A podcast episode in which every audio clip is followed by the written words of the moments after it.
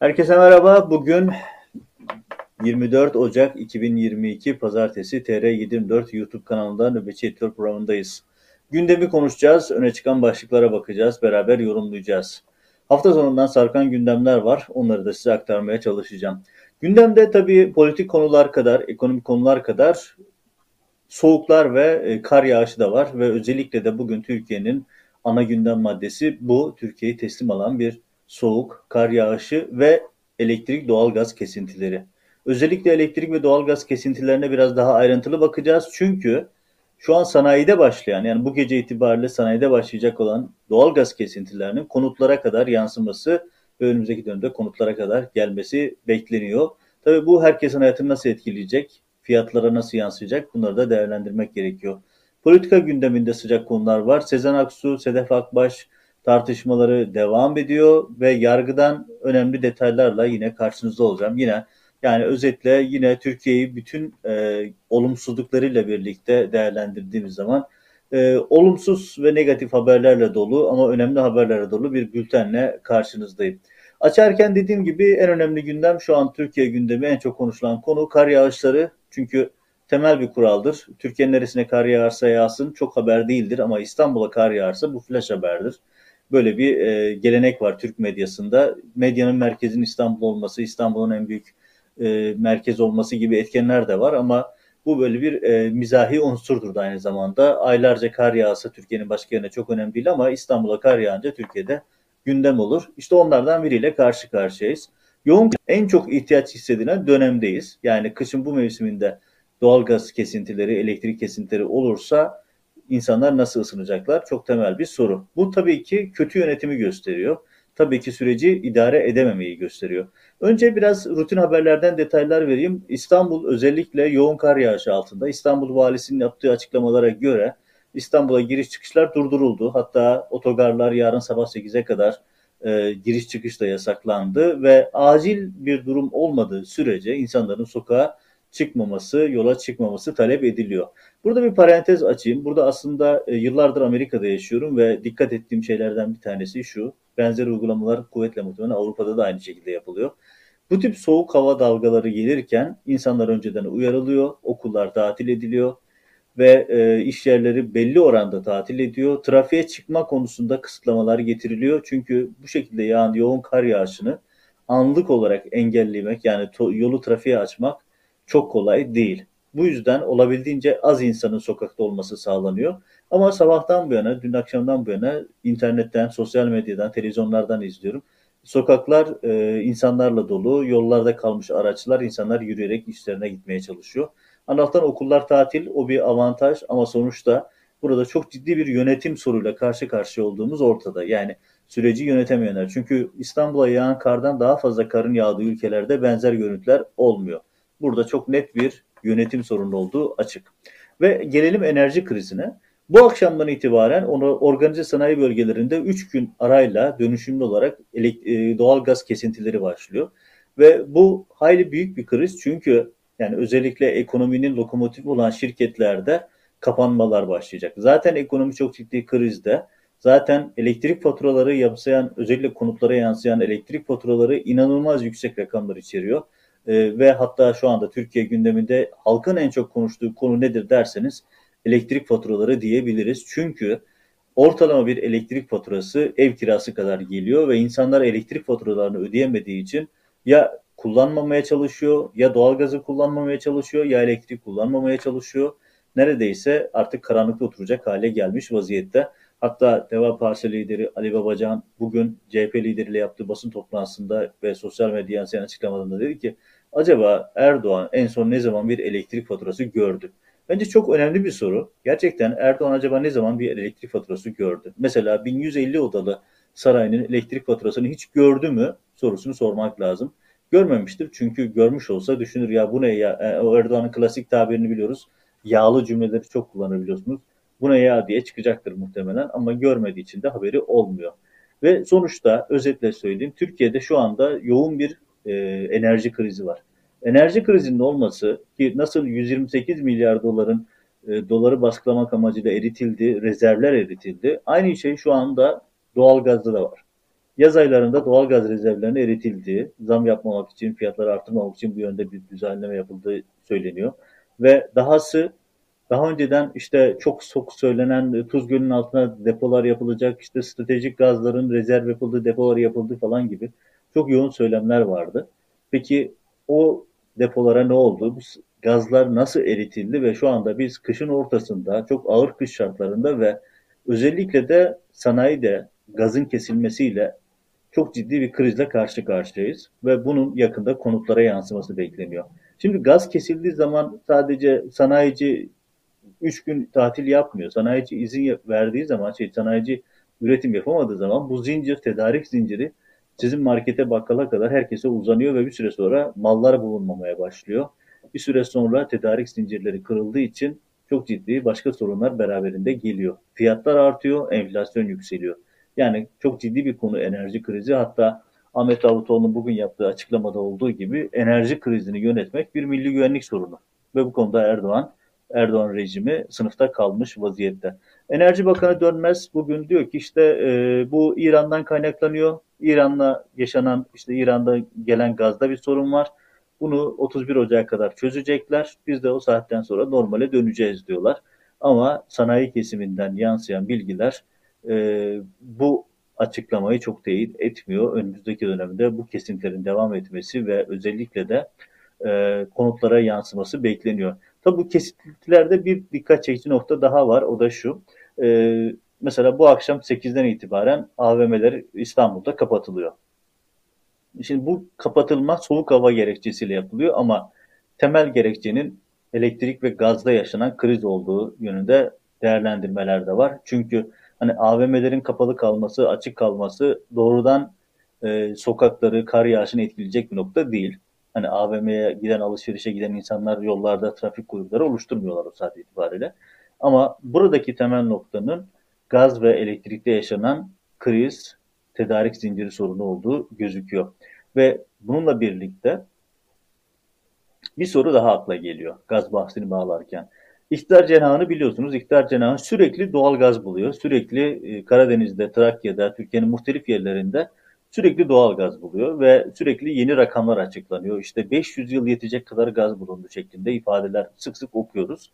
Hatta çok meşhur bir e, internet trolü var, Aktrol var, Abdurrahman Uzun isimli. E, 2023'te gaza fatura ödemeyeceksiniz, açın kombileri, açın vanaları, yakın gazı şeklinde e, sosyal medyada çok dolaşan videoları var biliyorsunuz. Yani vatandaş gazı bulsa yakacak, parasını bulsa ödeyecek ama bu gaz ne zaman gelecek, gelecek mi? Ya da ne oldu? Şurada 2023'e az bir zaman kaldı. Bunların cevabı da yok tabii. Bu açıdan e, iktidarın iletişim yönetimi açısından da bu süreç hayli enteresan. Şöyle ki şu an İstanbul'da yaşanan e, yollardaki sıkıntı yani kar yağışı sebebiyle yaşanan sıkıntı sebebiyle bütün aktroller hep birlikte İstanbul Büyükşehir Belediyesi'ni suçluyorlar. Mesela bugün ekranlara yansıyan bir e, daha doğrusu sosyal medya kullanıcılarının fark ettiği bir şey var. Aynı cümleyle yazılmış yüzlerce, binlerce mesaj var. Bu da şunu gösteriyor. Bunun mucidi Büyükşehir Belediye Başkanı olduğu dönemde Melih Gökçek'ti. E, troll hesaplarla aynı konuda gerçek kişiymiş rolü verilen, eskiden yumurta kafayla yaparlardı. Şimdi daha böyle e, internetten depo fotoğraflardan yapılan, e, hesaplardan alınan e, kişilerle oluşturuluyor ve yüzlerce kişi, binlerce kişi aynı cümleyi mesaj olarak atıyor. Bu da e, iktidarın meseleye yaklaşımını gösteriyor. Yani kar yağışıyla muhalefeti, muhalefetin elinde bulunan Ankara ve İstanbul gibi yerleri nasıl yıpratırızın e, kavgasını veriyorlar. Bu da dikkat çekici bir konu. Yani her konuda bu trollerin e, bu çalışmalarını dikkate almak lazım. Çünkü sosyal medyadaki bu algı aslında kamuoyu algısı gibi yansıtılıyor. Oysa ki aslında iktidarın halkın vergilerinden ödediği maaşlarla tuttuğu binlerce kişilik trollerinin etkisi var. İşte bu da onu gösteren somut örneklerden bir tanesi. Toparlayacak olursak Türkiye mevsim şartlarının gereği olarak soğuk havanın etkisi altında. Sadece Türkiye değil, Kuzey Yarımküre'de her yerde benzeri görüntüler var. Ama Türkiye'de ekstra bir durum var. Süreç yönetilemiyor, e, yollar kapalı, insanlar yollarda kaldı, günlerce mahsur kalan insanlar oldu yollarda ve yardım götürülemiyor. Saatler boyunca aracın içerisinde mahsur kalıp yardım ça e, çağrısı yapan insanların görüntüleriyle dolu sosyal medya. Ve bu konularda maalesef iç parçalayıcı görüntüler de var. Bu açıdan Türkiye gerçekten bir yönetim sorunuyla karşı karşıya olduğunu gösteriyor. Ve özellikle de faiz faturalar, elektrik faturalarına yansıyan rakamlar, doğalgaz faturalarına yansıyan rakamlar siyasetin de e, önümüzdeki dönemdeki seçimin de ana belirleyicilerinden birisi olacak. İlginç gelişmeler takip edip aktarmaya çalışacağız. Ama özü şu, Türkiye gerçekten her alanda yaşadığı yönetim krizini enerji ve e, doğalgaz meselesinde, enerjide ve ulaşımda ağır bir şekilde yaşıyor. Düşünün sanayide çarklar duruyor, gaz verilemediği için fabrikalar kapanmak zorunda kalıyor ve yakında konutlara, e, insanların evlerine gaz verilemez hale gelecek. Bu başlı başına bir yönetim krizidir ve faturası da rejim tarafından ödenmesi gereken bir konudur. Ama rejim trolleri eliyle bunu çarpıtmaya çalışmaya devam ediyor. Dediğim gibi gelişmeleri izleyip aktarmaya devam edeceğiz. Ama siz bireysel olarak tedbirinizi alın. Mümkünse sokağa çıkmayın çünkü e, yolların açılması, sosyal e, hizmetlerin verilmesi yakın gelecekte çok kolay gözükmüyor. Buradan günün önemine dair başka bir habere geçelim. Bugün 24 Ocak. 24 Ocak Türkiye tarihindeki birçok kara olayın yıl dönümü. Yani Gaffar Okka'nın şehit edilmesi, Diyarbakır Emniyet Müdürü'nün, e, Uğur Mumcu'nun katledilmesi ve yakın zamanda başka önemli gelişmeler. Uğur Mumcu meselesine özellikle dikkatinizi çekmek istiyorum. Çünkü bugün bir gazeteci olarak, meslektaşımız olarak, meslekteki büyüklerimizden birisi olarak Uğur Mumcu'dan biz de çok şey öğrendik. Yıllarca yazılarını, kitaplarını okuduk. Kendisinin e, gazetecilik konusundaki açtığı çığır önemli. Ama burada gündemin bu bölümünde size başka bir perspektif açmaya çalışacağım. Nedeni de şu. Uğur Mumcu anılıyor. Herkes Uğur Mumcu'nun gazeteciliğiyle ilgili, üzerinde çalıştığı dosyalarla ilgili yorumlar yapıyor. Ama herkesin ısrarla gözden kaçırdığı bir şey var. Şimdi Uğur Mumcu suikastıyla ilgili olarak soruşturulan örgüt İran destekli Selam Tevhid terör örgütüydü. Ve Selam Tevhid terör örgütüyle ilgili yıllar boyunca süren soruşturmalar, gözaltılar, yargılamalar devam etti. Ve ne oldu biliyor musunuz? 17-25 Aralık 2013 büyük yolsuzluk ve rüşvet operasyonu sonrasında Erdoğan'ın operasyon yaptığı ilk emniyet birimi bu operasyonu yani Uğur Mumcu'nun da katillerin içinde olan, faillerin içinde olan Selam Tevhid operasyonunu yapan birimler oldu. Hani şu meşhur fotoğraf var ya işte ablukaya alınmış polisler adliyenin ortasında yerde oturuyorlar. Ee, orada inanılmaz büyük hukuk skandalları var. Gözaltı süresi bittiği halde bırakılmadılar vesaire. Ama orada önemli olan bir şey var. Failleri sarayın talimatıyla yani İran destekli Selam Tevhid soruşturmasında geçen failler, tutuklu insanlar ya da yargılanan isimler sarayın talimatıyla serbest bırakıldı ve 17-25 Aralık'tan hemen sonra hani herkes şunu bekliyordu. 17-25 Aralık'ta Mali Şube'nin e, operasyonu yapan Mali Şube polislerine karşı bir operasyon bekleniyordu.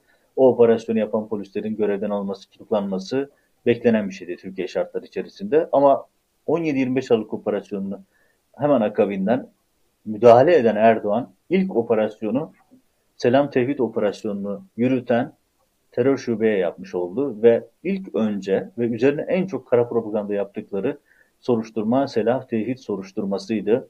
Bu Uğur Mumcu'nun da failleri olan örgüte yönelik Erdoğan rejiminin bu hassasiyetini dikkatinize sunmakta fayda görüyorum. Çünkü Selam Tevhid soruşturması bilinenin aksine Erdoğan rejiminin en çok canını yakacak, Erdoğan rejiminin en çok başını aratacak soruşturmaydı.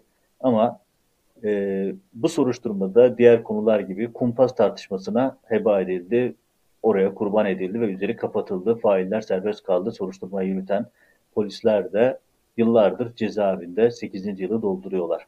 Evet, Uğur Mumcu'nun katilleriyle ilgili yapılacak olan soruşturmada en önemli aşama bizzat iktidar eliyle kapatılmış oldu. Bunu da yıl dönümü vesilesiyle tekrar dikkatinize sunmak istiyorum. Çünkü bugün Uğur Mumcu'nun arkasından e, anma toplantılarında çeşitli sözler e, ifade eden, çeşitli e, hani timsah gözyaşı tarzı ifadeler kullanan insanlar aslında soruşturmayı baltalayan kişiler. Bu da önemli bir nokta.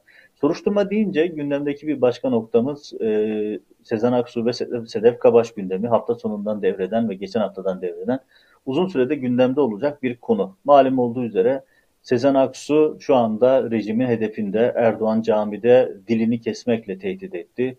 Bahçeli meclis kürsüsünden Sezen Aksu'yu tehdit etti. Troller tüm Türkiye genelinde AK Parti teşkilatları Sezen Aksu'yu hedef aldı. Almayan hiç kimse kalmadı iktidar cenahında ve ifade gerçekten çok vahim. Erdoğan cami kürsüsünden, camiden, cuma namazında yani düşünün camide ibadet edilen yerde Erdoğan seçim mitingi yapıyor.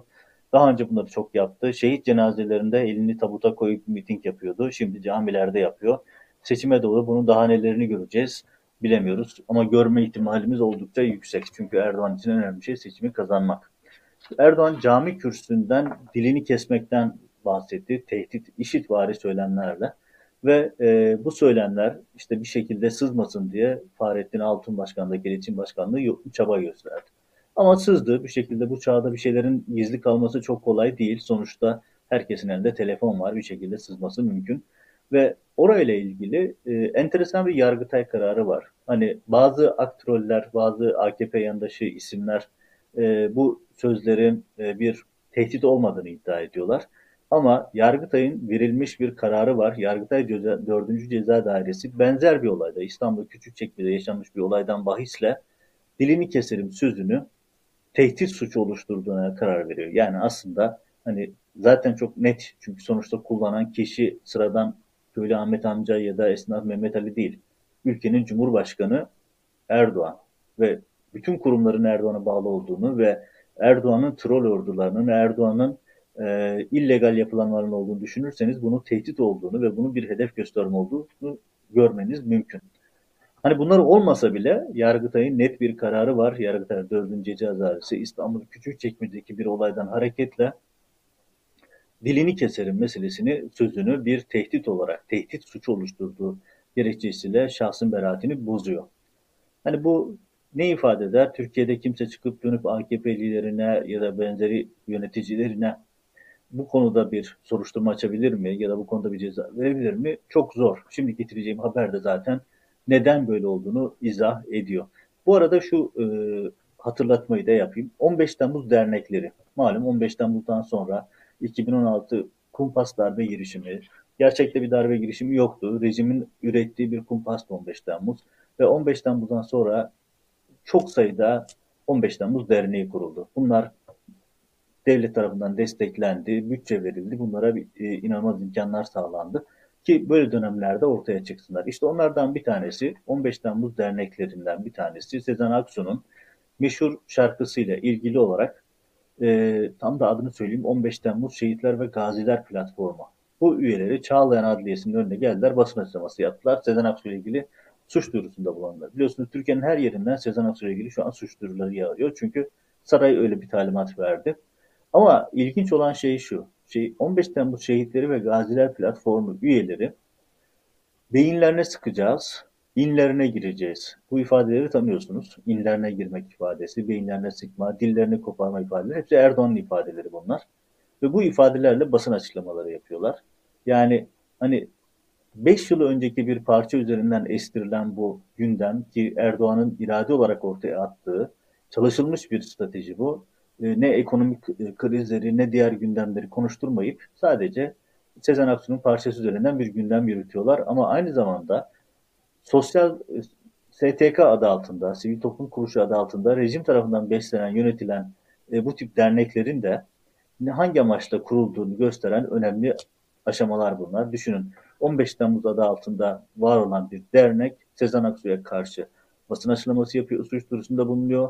Beyinlerine sıkacağız, inlerine gireceğiz, hepsini ezeceğiz diyor ve Türkiye artık eski Türkiye değil diyor. Bunların hepsi Erdoğan'ın sözleri ve e, bunların tamamı e, 15 Temmuz'da nasıl istismar edildiğini gösteren önemli bir e, aşama daha.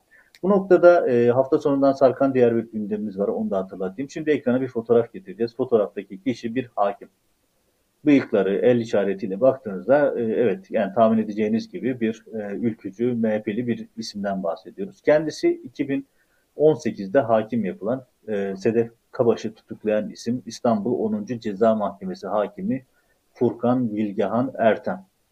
E, şu hareketi yaptığı anda yani dünyanın neresinde böyle bir hareketi yaparsanız yapın e, hakim olamazsınız. Çünkü bu ihsası reydir yani sizin hakim olmanızın önündeki en temel engellerden birisidir. Adaleti dağıtamayacağınıza insanlar ikna olurlar. Çünkü siz açıkça burada bir siyasi propaganda yapıyorsunuz. E, hakim Bilgehan Ertem aslında yeni bir hakim. 3 yıl 10 aylık bir tecrübeye sahip. 3 yıl 10 ay. 2018'de hakim yapıldı. Öncesinde avukat ve malum 15 Temmuz'da 4500 hakim savcı daha askerler tutuklanmadan düşünün darbe olduğunu hani varsayalım gerçekten bir darbe var ve darbe olmuşsa ilk yapılacak hamle darbecileri durdurmak olur. Ama Erdoğan rejimi darbecilerle uğraşmadan hemen önce önceden hazırlanmış 4500 tane hakim savcıyı listesini hemen tutuklamaya başladı. Aralarında Anayasa Mahkemesi üyeleri, Yargıtay Danıştay üyeleri de vardı. Yani sadece bu olay bile 15 Temmuz'un hangi amaçla kim tarafından kurgulandığını gösteren bir karine. O e, hadiseden sonra AKP teşkilatlarından, MHP teşkilatlarından isimler, avukatlar e, şüpheli bir şekilde hakim yapıldı. Herhangi bir tecrübeleri olmamalarına rağmen en kritik görevlere atandılar. Mesela bunlardan bir tanesi işte Erdoğan rejiminin yine 17-25'ten sonra kurduğu suh ceza hakimlikleri. Malum bu operasyonlar cemaat yönelik tutuklamalar daha kolay yapılabilsin diye oluşturulan hakimlikler ve buraya rejimin eliyle seçtiği hakimler atandı. İşte onlardan bir tanesi de Furkan Bilgehan Ertem. Kendisi aynı zamanda Osman Kavala ile ilgili tutuklama kararını veren hakim. Ve HSK'nın yayınladığı bir yönetmelik var. 4 yıllık tecrübeye sahip olmayan isimler e, bu mahkemelere atanmayacak diye. Ama kendi yönetmeliğini uygulamayan da bir HSK'mız var. Yani düşünün e, yeni mezun, genç, tecrübesiz birisi tek başına aldığı kararlarla çok kritik imzaları atıyor ve şimdi de sarayın isteği doğrultusunda Sedef Kabaş'ın tutuklanması, Osman Kavala'nın tutuklanması gibi kararlara imza atıyor. Yargının neden bu hale geldiği ve sarayın elinde nasıl bir silaha döndüğü, Perinçek'in tabirle siyasetin köpeği haline nasıl geldiğini merak ediyorsanız işte somut bir örnek. Bu şekilde yargı sarayın köpeği haline getirildi, siyasetin köpeği haline getirildi. Ee, ve dolayısıyla böyle bir yargıdan çok farklı kararlar da beklememek gerekiyor. Buradan politika gündemine bir geçelim. E, çünkü malum e, adı konmasa da ülke siyaset e, tamamen seçime endeksli. Erdoğan e, ve Devlet Bahçeli herhangi bir şekilde erken seçim yok diyor ama e, bütün işaretler, bütün politikalar, söylemler, alınan ekonomik kararlar yakında bir seçim olacağını gösteriyor ve muhalefet de benzeri bir şekilde seçime hazırlanıyor. Burada muhalefet cephesinden önemli bir gelişme var. O da şu. Altı parti e, bir araya geldi. Bugüne kadar çeşitli görüşmeler yapılmıştı ve bu görüşmeler devam ediyor. Bugün de yapılan görüşmeler oldu. Babacan'la e, Kılıçdaroğlu bir ortak açıklama yaptılar. Ve yarın ya da birkaç gün içerisinde henüz tam olarak tarihi açıklanmadı ama önümüzdeki günlerde bu altı partinin bir araya gelerek e, parlamenter sisteme geçişle ilgili çalışmayı kamuoyuna açıklayacaklar. Bu önemli bir aşama. Yani özellikle Millet İttifakı'nın e, seçimlerde alacağı yolu göstermesi açısından da önemli bir aşama. Çünkü ekonomiden e, parlamenter sisteme, değişik konulara kadar bu partiler ortak çalışıyorlar ki bu da Erdoğan'ın aslında en büyük endişesi. Çünkü Erdoğan'ın oyun planı bir taraftan HDP'yi kapatmak, bir taraftan muhalefeti parçalamak, Millet İttifakı'nı parçalamak, bunun için çeşitli hamleler yapıyordu. Bu altı partinin bir araya gelebilmesi, temel konularda yol haritası, strateji açıklayabilmiş olması Erdoğan'ın çabalarının aslında çok da başarılı olmadığını gösteriyor ve Erdoğan için tabiri caizse kabus bu altı partinin özellikle Ali Babacan ve Davutoğlu'nun bu yeni ittifak içerisinde etkili hale gelmesinden Erdoğan fena halde endişe ediyordu. Bakalım Erdoğan'ın bu hamlesi ne olacak? Kuvvetle muhtemel e, ekstra bir çıkış yaparak e, bu iki parti özellikle Ali Babacan'ı hedef alması kaçınılmaz olarak önümüzde duracak gözüküyor. Ve e, bu noktada e, tekrar söyleyelim Kılıçdaroğlu ve Babacan'ın buluşması bu açıdan önemli bir gelişme. Evet bir de e, yine siyaset gündeminden devam edelim. E, malum Antep'in bir belediye başkanı var. Fatma Şahin eski, eski bakan. Siyaset sahnesinde yıllardır var. Ve polemiklerin merkezinde işte geçen hafta e, karda mahsur kalan insanlarla ilgili e, yapmadıklarıyla gündemdeydi. Öncesinde Muharrem Sarıkaya'nın gazeteci tokatladığı o meşhur basın toplan şey röportajı vardı.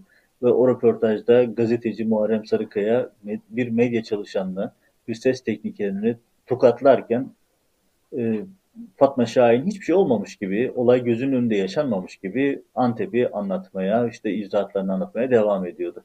İşte Fatma Şahin yine bir skandalın merkezinde E, bu yine skandalın bir ayağı da Erdoğan. Erdoğan hafta sonu Antep'te e, bir takım açılışlar, programlar için o bildiğimiz klasik seçim çalışmalarını yürütürken Fatma Şahin'e e, dönüp e, bir e, rektörle ilgili fikrini soruyor. Rektörle ilgili bir şikayet olup olmadığını soruyor. O da e, rektöre ifadesiyle çok kötü, aynen ifadesini okuyayım, çok kötü, çok kötü, tam bir deli yanıtını veriyor.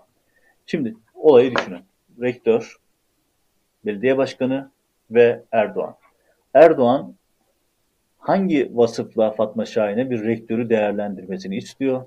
Fatma Şahin hangi vasıfla bir rektörü değerlendiriyor ve neden rektörü Cumhurbaşkanı'na şikayet ediyor? Rektör alanıyla, eğitimle belediye başkanı arasında ne tür bir ilişki var sorusunu sormak gerekiyor. Bunu niye önemsemek lazım? İşte yıllardır anlatmaya çalıştığımız, özellikle son 8-10 e, yıldır çok yoğun bir şekilde yaşadığımız parti devleti dönüşümü, tek parti, tek adam rejimi böyle bir rejim. Parti devleti olur, belediye başkanı da, vali de, emniyet müdürü de, savcı da, rektör de partinin adamı olur ve her şeye tek adam karar verir. Düşünün rektörle ilgili bir karar verilecekse bu üniversitenin senatosu vardır, YÖK'ü vardır, e, akademik öğretim, öğretim üyelerinin oyları vardır. Bu gibi kriterlerin akademik çalışmaların hiçbir önemi yok. Belediye başkanı kendisini sevmemişse Cumhurbaşkanı Erdoğan tek kalemde onu görevden alabilir, yerine ilgisiz, hiçbir bilgisi olmayan ama partiye biat etmiş birisini atayabilir. Bu açıdan Fatma Şahin'in de Erdoğan'la birlikte karıştığı bu skandal aslında parti devletinin bütün boyutlarını göstermesi açısından da son derece net bir örnek. Düşünün yani Fatma Şahin belediye başkanı rektörle ilgili Cumhurbaşkanı'na tam bir deli diye şikayette bulunuyor. Hangi gerekçeyle yaptığı muhtemelen e, partiyle ilgili çalışmaların birinde istediği desteği vermemiştir. Üniversitelerin nasıl bu hale geldiğini göstermesi açısından da önemli bir örnekti. Biliyorsunuz Fatma Şahin bütün meslek hayatı boyunca tartışmaların orta odağında Geriye doğru baktığınız zaman e, skandalları bol bir siyasetçi. Yani hatta her şeyi bir kenara koyun.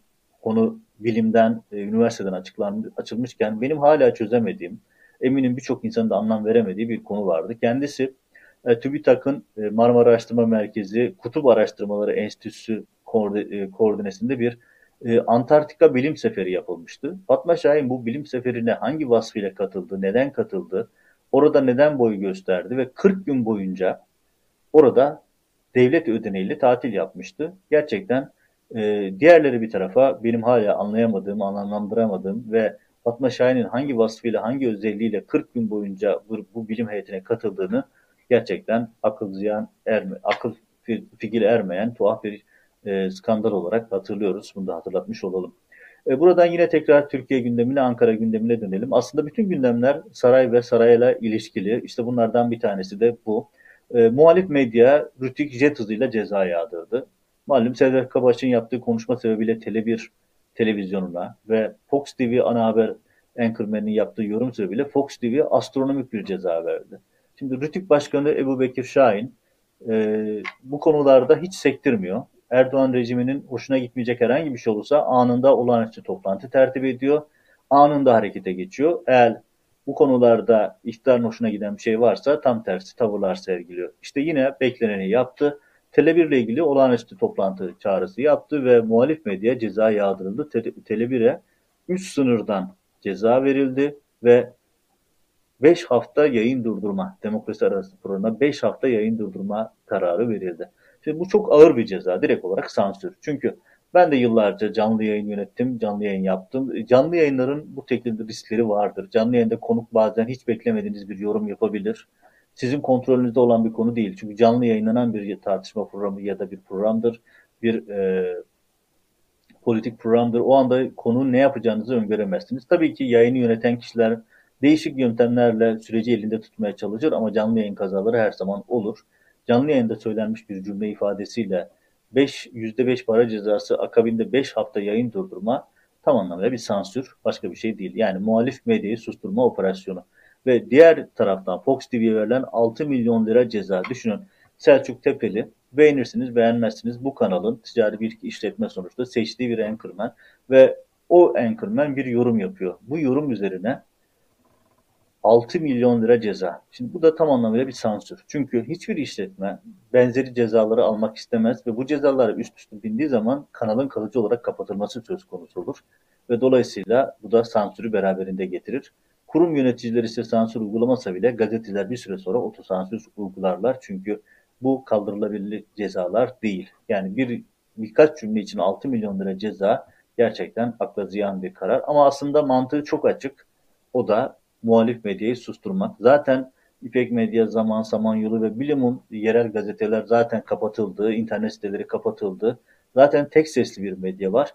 Arada cılız muhalefet yapabilen birkaç kanal da bu şekilde yaptırımlarla rütük eliyle susturuluyor ve yakında onlar da tamamen susturulmuş olacak ve her şey Erdoğan'ın A haberine dönmüş olacak öyle gözüküyor.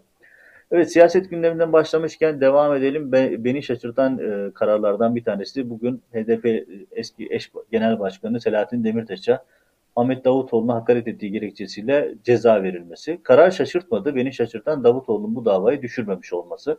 Çünkü söz konusu konuşma 2016 yılında Davutoğlu'nun başbakanlığı döneminde Demirtaş tarafından yapılan bir eleştiri.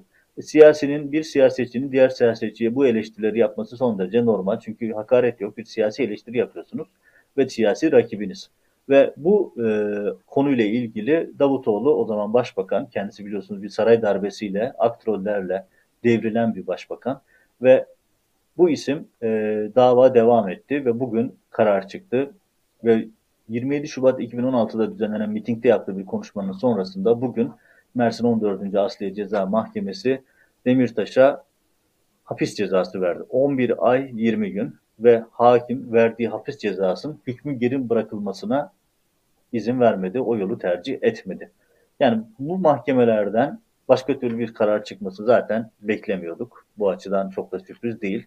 Beni şaşırtan dediğim gibi e, Ahmet Davutoğlu'nun muhalefet partisi lideri olduktan sonra bu davaları geri çekmemesi sonuçta muhalefet oldu ve artık bu isimlerle ortak hareket etmek zorunda ve dahası yargının sarayın elinde oyuncak olduğunu, sarayın talimatıyla hareket ettiğini ve Demirtaş'ın Erdoğan'ın hedefinde olduğu bir dönemde başka türlü bir karar çıkmaması, yani çıkmasını beklememesi gerektiğini bilmesi gerekiyordu. Beni şaşırtan karar da açıkçası bu. Yoksa yargının Demirtaş'a ekstra bir ceza vermesi çok da sürpriz değil. Sonuçta hatırlayın Erdoğan meclis kürsüsünden e, Selahattin Demirtaş'ı İmralı'daki Abdullah Öcalan'a şikayet etmiş bir siyasetçi. Böyle bir tablo içerisinde yargının zaten başka türlü bir karar vermesi de beklenemez. Yargı yine bütün gündemlerimiz dikkat edin hep yargıyla alakalı. Çünkü gerçekten Türkiye'de en temel konu adalet yoksunluğu.